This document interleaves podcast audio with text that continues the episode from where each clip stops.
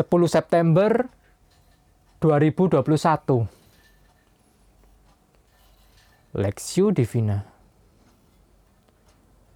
Lukas 18 ayat 9 sampai 14 Dan kepada beberapa orang yang menganggap, yang menganggap dirinya benar dan memandang rendah semua orang lain, Yesus mengatakan perumpamaan ini ada dua orang pergi ke bait Allah untuk berdoa. Yang seorang adalah Farisi dan yang lain pemungut cukai. Orang Farisi itu berdiri dan berdoa dalam hatinya begini. Ya Allah, aku mengucap syukur kepadamu karena aku tidak sama seperti semua orang lain.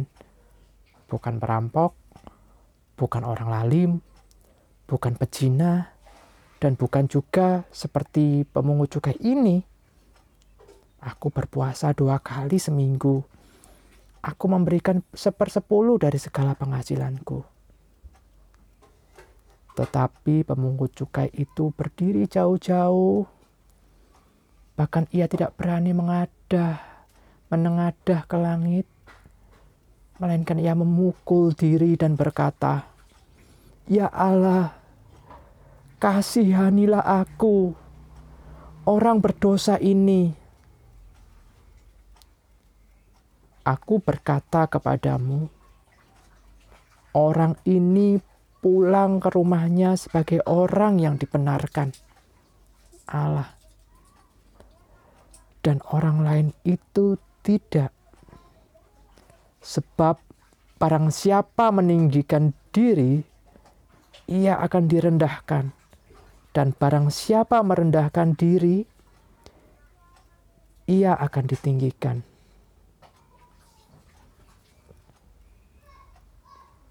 Ucapan bahagia miskin di hadapan Allah. Perspektif. Berbahagialah orang yang miskin di hadapan Allah, karena merekalah yang empunya kerajaan sorga. Matius 5 ayat 3 Seorang yang merasa cukup baik susah memberi pengajaran orang orang lain dan yang berguna bagi dirinya. Susah menerima pengajaran orang lain yang berguna bagi dirinya. Seorang murid yang merasa pandai tidak akan menimba banyak ilmu dari gurunya. Ketika seorang merasa cukup baik, cukup hebat, dan cukup pandai, mereka tidak melihat bahwa mereka memerlukan Tuhan dalam hidupnya. Orang yang demikian tidak akan menerima kasih karunia Tuhan juga di dalam hidup mereka. Hari ini kita memasuki rangkaian renungan khotbah di bukit. Khotbah di bukit adalah serangkaian ajaran Yesus kepada murid dan orang banyak di awal pelayanannya di dunia. Para teolog menyebutkan khotbah di bukit sebagai etika kerajaan Allah. Artinya, setiap orang yang menjadi bagian kerajaan Allah harus hidup di dalam prinsip-prinsip kebenaran yang Yesus sampaikan. Menarik untuk diperhatikan, Yesus memulai pengajarannya dengan ayat yang kita renungkan. Berbahagialah orang yang miskin di hadapan Allah, karena mereka yang mereka, karena merekalah yang empunya kerajaan surga. D.A. Carson dalam tafsirannya pada bagian ini mengatakan kata miskin ini berasal dari kata petokos yang berarti kondisi seseorang yang benar-benar miskin sehingga ia tidak mampu hidup dari usahanya sendiri. Seorang yang miskin di hadapan Allah dan mereka yang sadar bahwa mereka membutuhkan anugerah Tuhan di dalam hidupnya.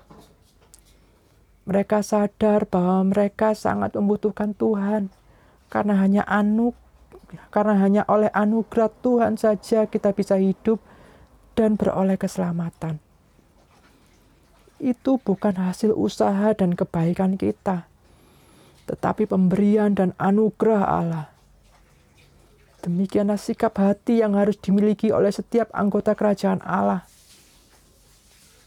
Adakah setiap kita memiliki sikap miskin di hadapan Allah?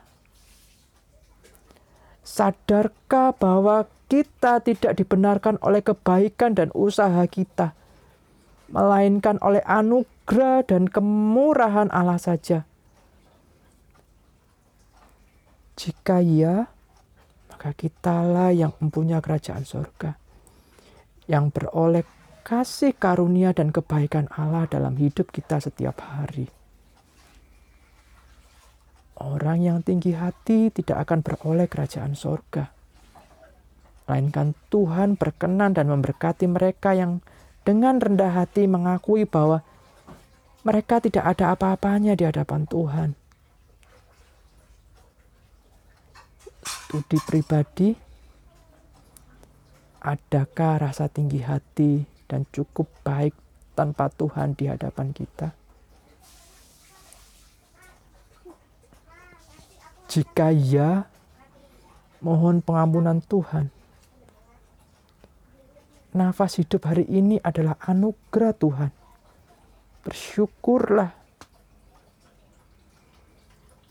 Pokok doa, doakan agar Tuhan menyertai dan memberikan anugerahnya kepada gereja untuk dapat melewati masa pandemi ini. Tuhan memimpin pergumulan umatnya.